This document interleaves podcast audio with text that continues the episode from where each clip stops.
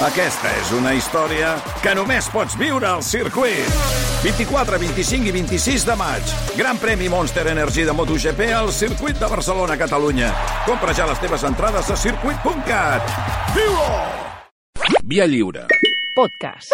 Au village sans prétention, j'ai mauvaise réputation. Je me démène ou que je reste quoi, je passe pour un je I com que els execrables sabien que hi havia futbol, eh, no, que no tens, gaire, no tens gaire feina, no, Santi? avui no, Eh, és un va, dia fàcil. el diari. avui és un dia fàcil. Um, avui, a, a més, heu triat un, un personatge fàcil, també. Sí, no, era, era, era fàcil. Perquè... Ah, sí? Home, Sa- Sa- Santiago Bernabéu, Ui. president del Madrid. Ja comencem a escalfar, com esca, comencem a escalfar el derbi aquest que eh, comença... Eh, doncs què, d'aquí una estoneta, no? Sí, home, a la una, d'aquí dues hores i una, ja 20 està. minuts. Per això. I, i, I és la prèvia aquesta que es fa, que normalment quan hi ha un partit al vespre, a la tarda, un clàssic, Sí. vas, vas a dinar, tal... Oh, i tant. I si és a Madrid fas un xisto, asador, eh, a José Luis, no sé què, tal. Avui és sortir del, del Toni 2, del Coc, del Xino Karaoke, Lady Pepa i, i, a, i a, el doble i arribar al Bernabéu del revés. Bueno. Avui parlarem això, de, de, de, li buscarem la cara bé, si és, bueno, si és que tenia cara, a, a l'home que va edificar la dictadura del Real Madrid en el futbol espanyol durant, durant molts anys de, de, del franquisme. Un, un home que era arquetípic d'una Espanya fosca i que és molt idolatrat pel meu amic Tomàs Roncero, Sí. però també per Alfredo Landa, que ho va resumir molt bé a la sèrie de televisió. Tu te'n recordes? Lleno, por favor? No, No. no. La Però era Alfredo Ah, Landa. Només veia un Està bé. Juego de Tronos i coses d'aquestes. No, vale. Que hi és a Netflix, eh, la Sí, sèrie a de Netflix, a Netflix. Però és això el que pensava eh, Alfredo Landa en aquella... La... Yo no creo más que en Dios, en Franco y en don Santiago Bernabéu. És veritat. Eh? així que eh, un home del, del que explicaven, eh, hi ha una frase molt bona, diu Santiago Bernabéu en el fútbol lo fue todo menos el balón. Perquè va ser jugador, directiu, el mangaire millor, vull dir... La seva influència en, en construir el, el Real Madrid, que eh, mal que ens pesi, és un equip impressionant, és innegable. Però, clar, ell va construir l'imperi de, del, seu, del Real Madrid a base d'autoritarisme, un mal caràcter llegendari, tenia una mala hòstia Ah, sí? tremenda, sí, sí, era una cosa que feia que es deien les santiaguines que ell baixava al, a la mitja part, li fotia un, una bronca als jugadors i sortien com a, com a, com a tiros. Bé, un, I a més a més va ser, eh, pel Barça, va ser com el Papus, com el Coco. No va dubtar a aprofitar-se de les seves relacions amb el règim de Franco, tot i que alguns defensen, i hi ha historiadors de veritat, i diuen seriosament, eh, que no era franquista per afavorir el seu equip al temps que no es tallava de dir com de malament li queien els catalans. O sigui, eh, eh, no suportava Catalunya ni els catalans. Era un 155 amb putes... Eh, No, però què diu ara? Amb potes, sí. Ah! Santi, per favor. No, putes no. Amb potes. Potes. 155 amb potes. Anem, eh, tira, eh, entrem en matèria, va. Sí, sí. Millor que entris en matèria, xato, perquè... Això què és? Anem a, anem a provocar ja. Sí, sí, això és... Assumiu. Això Assumim és... el que, que hem d'assumir. Això què és dius terap- que avui, que avui... Què passa avui? Eh, Avui no passa res. Perdem. Mm, Sí, no, no, jo que sé què passarà avui. O sigui, 2 a 6, perquè el dia que va Dos ser a 2 a sis. 6 no ho vaig dir i sempre ho diré ara. No, Ah, no em tornaré a equivocar. 2 a 6. Bueno, amb aquesta, amb, amb, amb aquesta cançó, amb aquest, amb aquest tall, que és teràpia de xoc, eh? Hem posat aquest himne que és tan maco, per, perquè per nosaltres això de les mocitas madrileñas van alegres y risueñas caminito San Martín cuando juega su Madrid Exacte. és l'estrofa que ens té robat el cor. Jo és Eh? que no me'l sé de memòria, clar. eh, Jo el tinc escrit. mocitas madrileñas van alegres y risueñas caminito Jean Martín cuando juega su madre. Una cosa que tenen és que canvien d'himne cada 3 anys. Sí, això és veritat. I és que la, però és que una cosa que no sabeu segurament és que la música era la gran passió de Don Santiago Bernabéu. Que en un moment de la seva joventut va haver de triar, triar, va haver de triar entre el futbol i la guitarra. Llàstima que no es decidís a deixar, no de, de, deixar-se seduir per les, per les muses perquè ens hagués estalviat molts disgustos. Això sí. Veure'l en, en plan Peret donant-li el ventilador en la guitarra és una imatge que absurdament no em puc treure del cap. Eh? M'agradaria molt, eh? Hi Home, ha alguna foto d'ell amb guitarra? Sí, suposo. No, però, però ell, ell sí, que, sí que treballava en, en això de la música, ho feia molt, molt bé, allò de... I, li agrada, I a més a més anava al Bernabéu i a l'òpera sempre. Ah, sí? Sí, sí, era, era un gran amant de la música. Però I ara el que direm eh, eh, és seriós. Això no és conya, o sigui, hem dit eh, moltes borrades, però això és veritat. Santiago Bernabéu va néixer a la cueva. Què de la cueva? La cueva, la caverna, la cueva, sinònim. Eh? O sigui, això no ho va inventar ni la porta ni ningú. No, la cueva era la finca propietat del seu pare a Monte Alegre del Castillo, província d'Albacete. Tot i que va ser empadronat de ben petit a la casa familiar del Mansa. Però ell va néixer a la cueva. Mm. O sigui, quan dient la caverna... Sí, sí. Tot té... Sí, tot té... Tot, tot, Sigui, la sentit, caverna, tot la caverna sí. existeix, la cueva existe. Exacte. Bueno. Era el setè fill d'un advocat que era l'administrador del marquès de Villafuerte de la condessa de Montealegre. Entre la cueva, Villafuerte Montealegre ja veiem que la cosa prometia. Vivia a l'escenari de Cròniques d'un pueblo, que si no sabíeu que era lleno, por favor, Cròniques d'un pueblo encara menys. Sí, no, però sí. En, en el Netflix de l'època, que era Radio Televisió Espanyola, Sí. sí. era el, el, el, la sèrie favorita del món. Sí, a part de la seva afició a la música, també va intentar ser metge i van tot- intentar estudiar medicina, però el seu pare li va prohibir i va acabar estudiant dret, tot i que no va exercir Que mai. prohibeixen eh, estudiar medicina, és raro, no? És raro, no, no, no t'hagas acti- artista, no? Jo m'hagués agraït que m'ho haguessin prohibit. Sí, però no sabem- I, I, tots els meus pacients també. No, no sabem com podria ser un Bernabéu metge, però també fa coseta. En lloc de merengue seria Mengele, no? Oh! És, és, és, és Oh, la- quin horror. És, és l'acudit. Quin horror. Sí, aquest acudit sabeu Oh. que és seu. Eh, ja veiem que aquest home és un pou de contradiccions, però hi ha una tremenda, la màxima de totes. Ell va començar a jugar a futbol, Sí. perquè va ser jugador de futbol, mm -hmm. al Real Madrid. Però va deixar el Real Madrid per anar a l'Atlético No! de Madrid. Va jugar dos anys en l'Atlético. Santiago Bernabéu juga a l'Atleti? Sí, això és una, un fet que la propaganda oficial i la història del Real Madrid intenta amagar durant els anys posteriors, quan ell era president. José María Castell, que havia jugat amb Bernabéu al Real Madrid en una primera època, són raros aquests costums madridistes. Castell, Bernabéu, els germans Pedrós... Sí, noi. Sí, eh, cuidao, eh, te- Havies de colar Prosinecki, no, no, collons, d'acord. Vámonos de fiesta. I, i va ser, o sigui, el senyor Castell aquest va ser jugador del Madrid al, als anys, mm, a principis de segle, i després va ser l'arquitecte que va construir l'estadi de Sant Martín. Recordava en una entrevista al diari Marca que deia Cometas, aunque lo que vaya a decir sea algo fuerte, porque yo le tenía un gran aprecio, Santiago Bernabéu nos traicionó en 1920 y se marchó al eterno rival. Un año después, cuando arrepentido regresó al Real Madrid, había perdido su antigüedad como socio y tuvo que ponerse a la cola. Ah, o sigui, més, no, no només va deixar de ser jugador, sinó de... de Els jugadors eren socis aquella Ah, eren socis eren, aquella en aquella època. època. I ell eh, va, ser, va morir sent el soci número 8 del Real Madrid. O sigui, la cua, però no molta cua, eh? Sí. Bueno, és que, de fet, és que anava morint, clar. Un altre dels mites en torn a Bernabéu és el que afirma que a la seva època de jugador era una cosa així com una barreja entre Pelé, Cristiano Ronaldo, Messi Sí, home. i Sergio Ramos. Sí, clar. jo crec que era més aviat Paco Alcácer, eh? però bueno. I home, era bo, tan bo, però no era, no era una figura... Ballesta, jo crec, eh? Era davanter. Ja, sí. Sí, vols que va marcar molts gols, però no Otoe gols. Ah. Una, una, una altra de les seves contradiccions d'aquest home va començar sent porter i va acabar de davanter. I va, va fer Viatge 60 poc habitual, aquest. Eh? Sí, un viatge molt raro. I va fer 68 gols en 79 partits. Que Home, això no està malament. això Això, el. Càcer no ho fa, eh? Això No, està bé. Bueno, per l'època potser no tant, perquè es feien 10 gols per partit. De fet, en aquella època, eh, el més brut era el que marcava el gol. Ja, ja.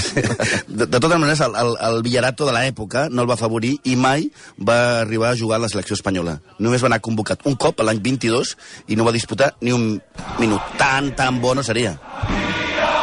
Ai, tenim la... Hòstia, la Legión. Ja sona la Legió? Què passa amb la Legió? És que, clar, mentre ell es dedicava a futbol i deixava eh, eh, de jugar, es va, quan va deixar el futbol mm -hmm. actiu, es va Sí. dedicar a ser primer delegat, després directiu, i acabar com a president del Madrid eh, i membre de la Junta Directiva. Però ell també tenia una, una vertent política molt clara. Era un militant actiu de la CEDA. La CEDA era la Confederación Española de Derechas Autónomas. N- Autònomes, No autonòmiques. Exacte, no tumultuàries. Una associació de nois molt macos que, segons que diguem-ne que eren bastant actius políticament. Sí. De fet, ell mateix reconeix amb, una, amb un llibre molt bo de Julián García Candau que es diu El deporte durante la guerra civil espanyola que eh, durant uns anys previs a la guerra eh, Santiago Bernabéu anava amb pistola pel carrer Ah, sí? i que un dia se li va caure al sortir d'un taxi. Oi, oi, oi. Per això eh, no es sentia massa segur perquè hi havia una època molt, molt dura, no? Eh, cuidado amb Bernabéu, que ja anava amb pistola. Anava amb a- pistola pel carrer. I ara veurem el que passa després amb, Sí. quan arriba la guerra. Fins i tot quan va esclatar exactament la Guerra Civil es va refugiar en plan Puigdemont Julian Assange a l'ambaixada de França, on va residir dos anys. Sí, el tio allà. Sí. I a la que va poder... Es va tancar l'ambaixada francesa de, de Un Madrid. tio que anava amb pistola, era la CEDA. Eh, a Madrid guanyen els republicans Va i ser- es tanca l'ambaixada de França. Clar, però tant a, a la que va poder es va passar al bàndol sublevat, vull dir, els dolents, i ho va fer, eh, eh, tant en aquesta paraula, a lo grande, Sí. sí. mai millor dit. Ara veurem, perquè què passa? Quan, es, eh, quan ell aconsegueix eh, sortir a l'ambaixada i passar-se al bàndol sublevat, al bàndol franquista, Sí. s'enrola a la cin- 150 divisió com a voluntari amb 42 anys. Ui, ui. O sigui, un tio amb 42 anys que va fer la guerra, eh, diguem-ne. I qui és, i qui és el, el seu manaire? El general Agustín Muñoz Grandes, que és un home això lo grande. fu- eh, fonamental a la seva vida, com veurem després.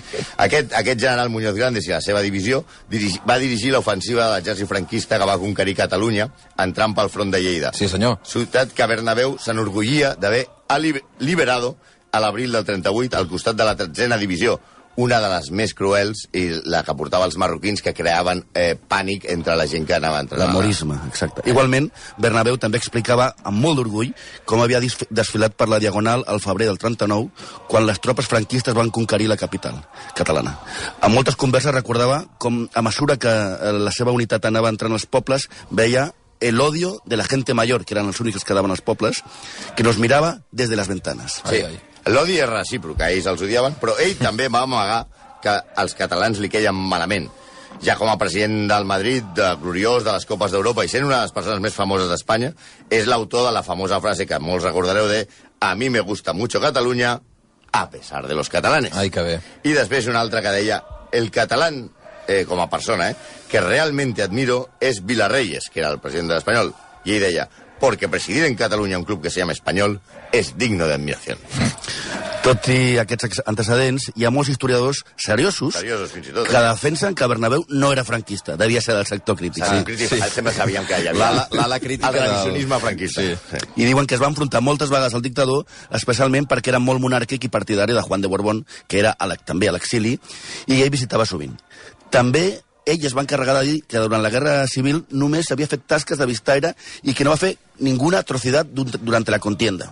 Però vaja, que alguna cosa devia de fer que agradés als seus eh, jefes perquè l'exèrcit franquista el va condecorar amb la medalla de la campanya després de la batalla de Bielsa a Osca i posteriorment el van condecorar dos cops més. Sí, tenia tres medalles. Sí, medalles que, per cert, exhibia emmarcades al seu despatx i que ensenyava a tots els periodistes que l'entrevistaven. I qui, I qui li donava les medalles? Qui feia l'informe? El general Muñoz Grande. Home, torna Que a era aparèixer. Senyor que, per cert, eh, va ser condecorat personalment per un senyor que es deia Adolf Hitler. Pels de l'ESO és molt pitjor que Mourinho, Sauron, Vader... Eh, tots Junts. Tots no. Home, si el tio que ha condecorat Hitler eh, que li va donar la creu de ferro, Et- et condecora tu? tres vegades a tu, alguna de vistaire, vistaire, tampoc faci. Posar sellos no fas. I un tio que es posa a, a, voluntari a la Guerra Civil amb 42 anys... bueno, El, el que sí, hem de reconèixer que el que sí és cert és que Bernabéu se les va tenir amb alguns dels membres destacats del franquisme, com Villan Estrai, que a part de l'ESO és una mena de dolent de Marvel, però fent por de veritat, que el que va dir això de muera la intel·ligència. A la llotja de l'estadi de Chamartín. No sabem què té aquest lloc que atrau el milloret de cada casa. la, la llotja del Bernabéu ja... de És un- és un lloc, sí. era- Imagina't. Quan, quan aquest No, impresentable... Ara encara va i va mirant, no, no se sienta mirant. Ah, oi. Quan aquest impresentable, Millán, es va sobrepassar amb una senyora que estava convidada amb el seu marit, Bernabéu va expulsar el general i per fer això s'havien de tenir molt ben posats el que es té. Se'l va fer fora de l'estadi. Ah, Exacte. Li va, dir, li va prohibir a- a- sí que tornar. Tenia, tenia una mala llet legendària, eh? Millán Estrai, que era un tio molt perillós, va amenaçar Bernabéu de mort i va dir que acabaria amb la seva carrera. Mai ho va aconseguir i no va ser precisament per la intervenció al seu favor de la passionària. Va ser perquè Bernabéu tenia grans amics al govern de Franco que van intercedir per ell. Com, per exemple, un, dos, tres, respondo otra vez. Muñoz Grande. Muñoz Grande! Ah, un altre cop. O el, o el mateix Generalíssimo, clar, aquest que veia amb els èxits del, del Madrid una de les poques coses exportables fora d'Espanya. Els que defensen que no era franquista també adueixen que va condecorar, va condecorar a Moshe Dayan, el general aquest de- israelí. El del, el del parche. Exactament, fa por, eh? També Amb la insígnia del club quan Espanya no reconeixia l'estat d'Israel. Però que quedi clar, Bernabéu era franquista. Molt. Otoe franquista. La sang. Podeu parar de posar les... No, no, comencem, a, eh, ens comencem a fer la idea. No, sí. no, sí, home, No, no, no, és, és per encendre els ànims, home. Ja. Ara parlarem de la seva habilitat per moure's en el món del futbol, que era inversament proporcional a la falta de reflexos dels directius del Barça de l'època, cosa que tampoc ha canviat massa, ja que en aquell temps eren uns veritables babaus. Eh, per exemple, us explicaré, quan Gabriel Lenó, periodista a l'equip, es va inventar la Copa Europa, necessitava que els equips de fora de França la recolzessin i va anar a buscar equips que, que volguessin jugar a la Copa d'Europa. La primera Copa d'Europa. El primer equip que van pensar els de l'equip era el Barça. Va venir a Barcelona, es va entrevistar amb el periodista Carlos Pardo, que era el corresponsal de l'equip aquí, que el va posar en contacte amb el Barça. Es van reunir, a Not li explica la directiva del Barça el projecte de Copa Europa, i la Junta de Barcelona què diu? Va, això de la Copa Europa no té cap futur. Nosaltres juguem la Copa Llatina, que això és el que tiene. Això, això és el que tindrà, això és el que tirarà. Ambició nosaltres sempre. Ah, això, amb una visió perfecta. Clar, aleshores què fa? Anot es queda collonot i diu hòstia, i, i necessitem un equip espanyol que jugui. I aleshores diuen, el Carlos Pardo diu, home, si anem a Madrid i veiem a Bernabéu, i Bernabéu va veure claríssim, va dir, Copa d'Europa, aquí Pa'lante. jo... I mira com, mira com està. Sí, clar, el Madrid es va apuntar a les cinc primeres copes d'Europa, perquè tenia un equipàs, com el tenia el Barça aleshores, i perquè, per exemple, Bernabéu influïa als sortejos, Ah, però de sí? bon rotllo. No, no feien falta boles calentes o fredes, o posar figo a remoure bombos. Bernabéu parlava amb l'equip i els organitzadors i els demanava que, por favor, en Suiza hay muchos emigrantes españoles que lo pasan muy mal y la única alegría sería ver jugar al Real Madrid. Oh, quin morro! Dit i fet. I va, pues, para que vaya, para que los vea. I jugava contra un suís. Un suís que era una, una equipeta... així. No hay, no hay inmigrantes en Manchester para jugar contra el Manchester United. Juguemos contra el Servet. Però això era, clar, només hi havia tres rondes aleshores. Vull dir, si el primer era un equip oi. suís, ja tenies mig Estaves fet, ja clar. fet. I ara, em direu, em direu eh, suspicàs, però amb aquest historial, no dubteu quan al Madrid li toca jugar amb el Wolfsburg? Ja. I un altre dels fets també que demostra que Bernabéu anava o toe pobles per davant dels directius del Barça de l'època és el fitxatge, i no parlarem de Di Stefano, que parlarem després, de Luis Molovni. Molovni era un jugador canari amb ascendència irlandesa que era boníssim. Aleshores heu de pensar que no hi havia ni vídeos ni es veia. Sí, es, es parlava d'un tio meravellós que jugava a, a Canàries. I el Barça el vol fitxar. Bernabéu venia de viatge de Madrid a Barcelona en tren i es baixa a Reus, sí. eh, que aleshores no hi havia camp de Tarragona, era Reus, Sí. i eh, compra La Vanguardia. Ahà. Y mientras está allí La Vanguardia veu el Barcelona enviará un emisario en barco para fichar a la estrella canaria Luis Molovni. El tio para el tren, se'n va a l'estació, se'n va al despatx de, del, del senyor de les banderetes i diu ponme con Quincoces, que era el secretari tècnic del Madrid, i diu hay que fichar a Molovni. Y ahora digo, ¿pero lo has visto? Digo, ni puta idea quién es. Pero si el Barça lo quiere, nosotros lo fichamos antes. Y yo digo, vamos, si lo tiene fichado el Barça, dice, que dice en la vanguardia que, es, que el del Barça se va en barco a Canarias. Tardará tres días. Píllate un avión y cap allà. Aleshores, el senyor del Barça que va xucu, xucu, xucu, xucu, xucu, xucu, arriba a Canarias, Estalviant. baixa, tal, y digo, y Molovni dice, no, está en Madrid siendo presentado por el No. Real Madrid. Sí. I O sigui, en el trajecte de vaixell ja l'havien fitxat? Clar, i ho va veure perquè ho va llegir a La Vanguardia. I encara no hi havia Bartomeu, eh? Va funcionar, Molovni? Joder, si va funcionar. Sí, no? Sí, sí, Va. molt bo. No, no, a més a més, i no va funcionar només com a jugador, després com a entrenador, era el que tenien allà eh, portant la cantera, i cada vegada que anaven malament treien a Molovni i cada vegada que entrava guanyava un títol. Carai, carai. Sí, Això el Mangas. Segons si Estefano li deia el Mangas. això per no parlar de com l'estadi Santiago Bernabéu es va construir amb el, amb el mateix ciment i el mateix preu que el que es feia servir construir pel Valle de los Caídos. O Que no era molt car el preu del ciment. No, o com el Madrid, durant molts anys, era l'únic club que rebia mm, diners de la tele, la única, la pública, que li pagava 10 milions de pessetes a Adrián, aquella cursilada de les d'abans, eh, de, de, l'època, per retransmetre el torn... 10 milions per retransmetre el torneo de Navidad de baloncesto, on les estrelles blanques superaven els equips de les hordes comunistes que arribaven de més enllà del taló de, de ser. Sí, eh, però òbviament, eh, ja ho hem dit, no era Molovni, ni el torneo de Navidad, ni la Copa Europa. La seva, la seva, la seva tasca, cumbre, la, la, la, la obra que fa és el fitxatge de Di Stefano. Di Stefano, sí. Clar, que li virla al Barça. Hi ha llibres, hi ha una quantitat de, de, de documentació feta. Eh, és un lío contractual, el Barça tenia fitxat a l'Argentí, ja estava a Barcelona, havia fins i tot jugat, jugat un, un parell de partits d'exhibició, i aquí pot ser que la Junta del Barça va fer el passarell, però també és absolutament cert que Bernabéu va moure totes les influències del règim, Muñoz Grandes, una altra vegada, era el seu protector i manava molt per tal que la saeta per, pels de l'ESO, aquest sí que semblava Messi, eh? eh acabés vestint de blanc i guanyant totes les Copes d'Europa. Sí, amb Di. Stefano, a l'equip, el Madrid va guanyar 5 Copes d'Europa i una propina després sense Di Stefano. Bernabéu va morir a l'any 78, ja gairebé retirat a la seva casa de pescador de Santa Pola, i segons expliquen, les seves últimes paraules, quan ja estava molt malament, va ser Maria, que voy a palmar sin ver la sèptima. A palmar, eh? No en palmar. Va, les, uh, un minut i arribem als 11 al matí, doncs no, no va veure la sèptima, però vaja, després n'han vingut unes quantes. Uh, sí, Santi i Malcolm, moltíssimes gràcies i a veure el partit, eh? Bueno, anem A allà. veure què passa. Tout le monde viendra me voir pendu, sauf les aveugles, bien entendu.